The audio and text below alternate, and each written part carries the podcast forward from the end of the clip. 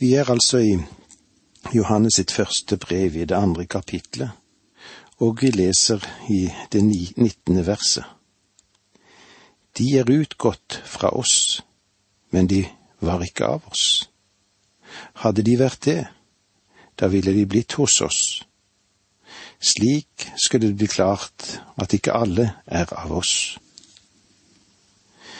Det som vi må lære her, er at Guds barn, du og jeg, vi må avsky synd. Dette lett mente synet på synden som vi har i dag, er ikke skriftsmessig troverdig. Jeg er redd for at det kan finnes en del av de som er medlemmer i menigheter og organisasjoner rundt om i landet vårt, tar det for gitt at de er Guds barn, fordi de er så aktive med i menigheten og i det som de holder på med. Men eh, tror du det er noen god garanti? Det er vel noen på bakgrunn av det jeg har sagt som kan skrive til meg og si det kanskje på denne måten. Du har ikke rett til å stille spørsmål som dette eller så tvil, fordi jeg har vært med her alltid, jeg. Vel, jeg henviser bare til det som Bibelen forteller, og tror at vi, hvem vi så enn er, bør ransake oss selv og se om vi er i troen, eller hvordan det måtte være. Ransak meg, Gud, og se i mitt hjerte. Det er jo slik det bør være. Det er godt å få en oversikt over inventaret som finnes i våre liv. Du i ditt og jeg i mitt, og finne ut hvor vi står. Jeg må finne ut hvor jeg står, og du må finne ut hvor du står. Ransak meg. Vi ser hvordan det har gått med en rekke institusjoner og næringsliv som ikke har holdt orden på økonomien sin. Regnskapene har ikke vært slik som det burde være. De har ikke hatt tett nok og rett nok økonomisk styring. De har ikke visst hvor de har stått når de har manet seg opp til å granske situasjonen, så var det for sent til å redde firmaet. Det var gått galt. Vi bør ransake oss selv Lever du i troen? Stoler du på Kristus? Kanskje noen vil si du tar fra meg frelsesvissheten min. Skal jeg si deg noe? Jeg tror på tryggheten for den troende, men jeg tror også på utryggheten for den som er like som troende. Og så er spørsmålet, hva slags troende er vi da?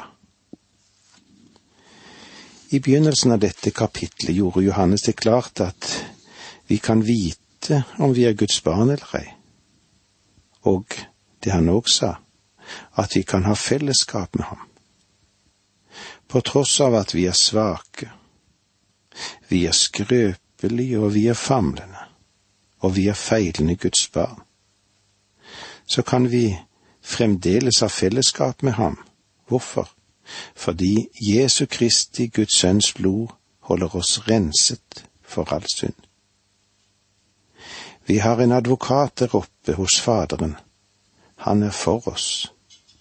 Han står på vår side.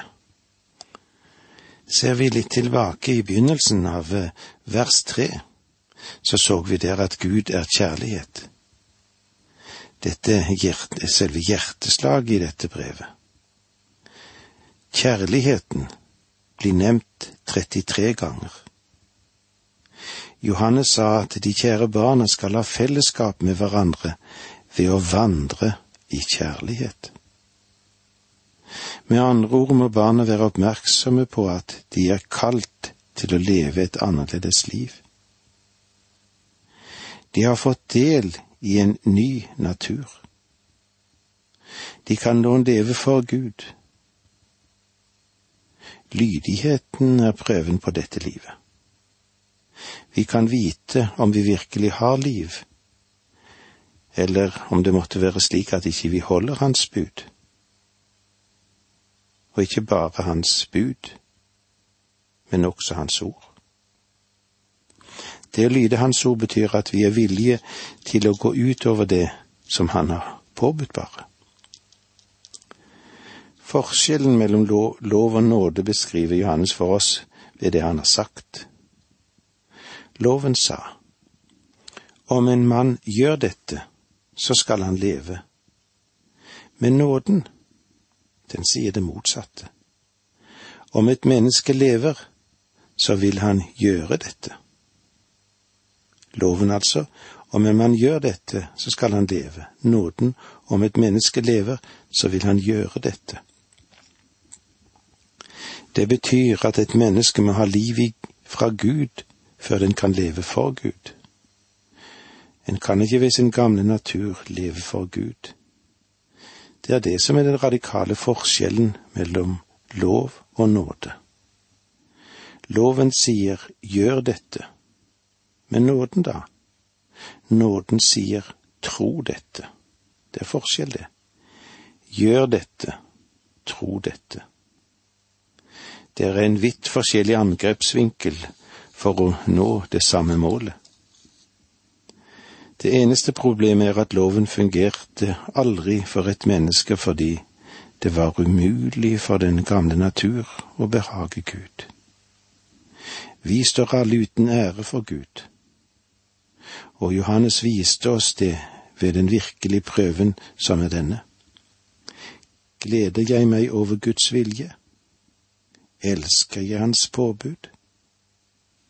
Om du er et Guds barn, så har du fått en ny natur, og nå ønsker du å behage ham. Johannes understreker klart at det er umulig å tale om å ha fellesskap med Gud og andre troende likevel fortsatt leve i synd. I ordspråken i det 28. kapittel der, og det 13. vers, forteller det oss dette. Den som skjuler sine synder, går det ikke vel. Den som bekjenner sin synd og vender seg fra den, han finner barmhjertighet. Selv om vi vet at Kristi blod skjuler all vår synd, så kan vi ikke vandre og leve i synd på samme tid som å ha fellesskap med Gud og fellesskap med andre troende. Om du og jeg har et liv som anbefaler evangeliet, og så er det et annet vitnesbyrd om at vi har del i det. Men jeg er vanskelig for å tro at du kan ha en dyptpløyende visshet i ditt hjerte uten at du er lydig mot Gud. Jeg tror at du kan vite, altså uten skygge av tvil, om du er et Guds barn eller ei. Slik visshet er ikke noe, overmodig. Den er heller ikke dristig og det er ikke å være arrogant, det, og slett ikke frekt. Det er ingen ubegrunnede antagelser. Det er ikke noe overmot, og det er ikke å lure seg selv. Og det er ikke ugrunnet skryt, og slett ikke selvbevissthet. Faktisk så er det sann ydmykhet. Det å vite at du er frelst, og det å være trygg på frelsen i Kristus for den troende, er ikke det samme de er ikke synonyme, disse her, selv om de står i et forhold til hverandre. Den Herre Jesus sa det slik, mine sauer eller mine får høre min røst. Jeg kjenner dem, og de følger meg, og jeg gir dem evig liv. De skal aldri i evighet gå tapt, og ingen skal rive dem ut av min hånd. Om du er hans får, så vil du høre hans røst. Du skryter ikke når du sier at du vet at du er frelst. Det du sier, det er at du har en vidunderlig hyrde. Du sier ikke at du er så storslagen. Det du sier er du har en hyrde som er stor. Å, hvilken veldig sannhet dette er. Og eh, med disse ordene må vi si takk for nå. Må Gud være med deg. Dette undervisningsprogrammet består av to deler. Åge Nevland fortsetter nå med andre del av dagens undervisning. Vi er nå i Johannes sitt første brev. Denne apostelen som hadde så nært forhold til Jesus Kristus. Og så har han så mye å si oss, og mye å gi oss. Og vi leser i det tyvende verset her i kapittel to i første Johannes. Men dere er blitt salvet av Den hellige ånd og alle har dere kunnskap. Alle har dere kunnskap. Vi må ha kjennskap til sannheten. Det er jo ganske nødvendig for oss å ha det. Og eh, så er det to forhold som er viktige for oss å ha med oss. Det første er at Guds sannhet, det er den som avslører synden, og den avslører vranglærens løgn. Den andre, det er det som lever i samfunnet med Gud, den siden som kjenner sannheten. Salving, det peker hen på Den hellige ånds opplysning gjennom Guds ord. Og slik vi òg kan se det i annen Korinterbrev i det første kapitlet der, og versene 21 til 22. Gud er det som gjør både oss og dere faste i troen på Kristus, og som har salvet oss. Han har også satt sitt seil på oss og gitt oss Ånden som pant i våre hjerter. Og i annen Peterbrev, i det første kapitlet der, og i vers 19 leser vi det slik. Derfor står også profetordet deres desto fastere for oss dette ordet bør dere ha for øye, for det er lik en lampe som lyser på et mørkt sted, inntil dagen gryr og morgenstjernen går opp i deres hjerter. Men dere må fremfor alt vite at en ikke kan tyde noe profetord i Skriften på egen hånd. Men dere altså er blitt salvet med Den hellige ånd og har all kunnskap. Jesus sier her at vi har en salvelse, og eh, denne salvelsen kommer ved Den hellige ånd. Vi vil møte dette igjen når vi kommer til vers 27, der Johannes sier, Men dere har mottatt salvingen av ham, den blir i dere. Men dere er blitt salvet av Den hellige, og alle har dere kunnskap. Den hellige ånd bor i enhver sanntroende og er mektig til å åpenbare alle ting for ham. Det intet øye så, og intet øre hørte, det som ikke kom opp i noe menneskes tanke, alt det Gud har gjort ferdig for at den som elsker ham. Dette har Gud åpenbart for oss ved sin ånd for Ånden utforsker alle ting, også dybden i Gud, som det står i første Korinterbrev 2, 9 og 10. Så vi har noen som bor i oss, og som kan åpenbare for oss dette som finnes i Guds ord. Vi har en salvelse, og ethvert menneske kunne ha visshet om sin frelse om du virkelig vil ha med Gud å gjøre, om du virkelig på alvor ønsker å møte livet med ham, så kom til ham. Be ham om lys. Be ham om ledelse, og be ham om visshet. Og alle har dere kunnskap. Det som Johannes mener her, er at alt det du trenger å vite som et Guds barn, er potensielt mulig for deg å vite. Du kan få kjennskap til det. Det betyr ikke at du plutselig har fått en doktorgrad i åndelige ting. Det betyr at du ved Den hellige ånd kan få lov til å ta det til deg, og du kan få lov til å granske Guds ord. Og så gjennom den erfaring og den kunnskapen som Gud sender deg, så kan du vokse i det som har med ham og hans rike å gjøre. Mange Guds barn vokser i nåde og kunnskap om Kristus. Jeg har blitt overrasket og overveldet mang en gang hvor mange dyktige, rike legfolk vi har som vi finner på vår vei. De har den tjeneste som har hatt dyp, pløyende kunnskap om det som hører Gud til.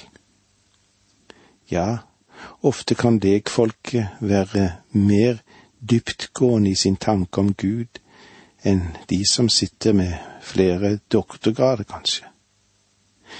Og de har hatt en kjærlighet til Kristus, så vidtfavnende og edel at eh, han kan skamme seg over hvor lite av Kristi ånd og sinn som bor i meg, enda om jeg har kjent ham i mange, mange år.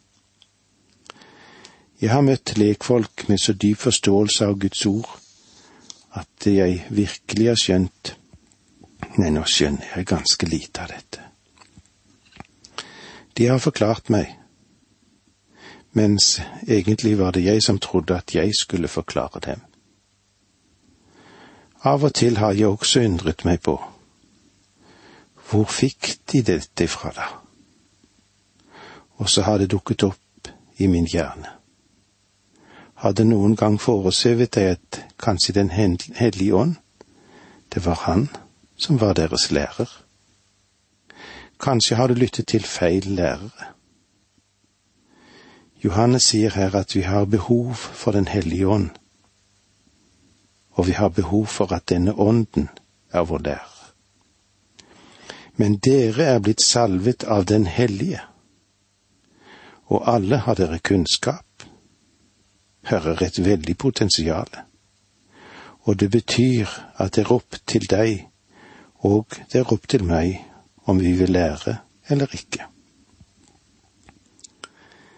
Vers 21 Det er ikke fordi dere kjenner sannheten jeg skriver, men fordi dere kjenner den og vet at ingen løgn kommer fra sannheten.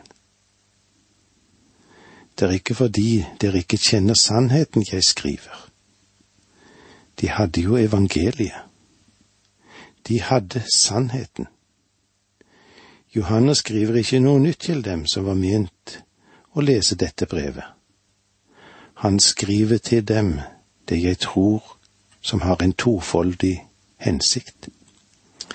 Og den ene er å oppmuntre den, og den andre, ja, hva er den andre da?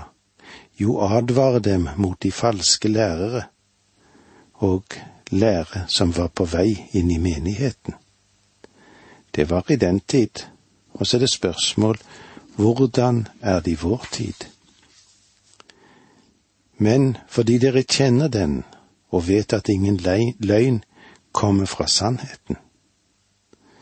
Johannes sier at de hadde sannheten, men nå var løgnene på vei inn.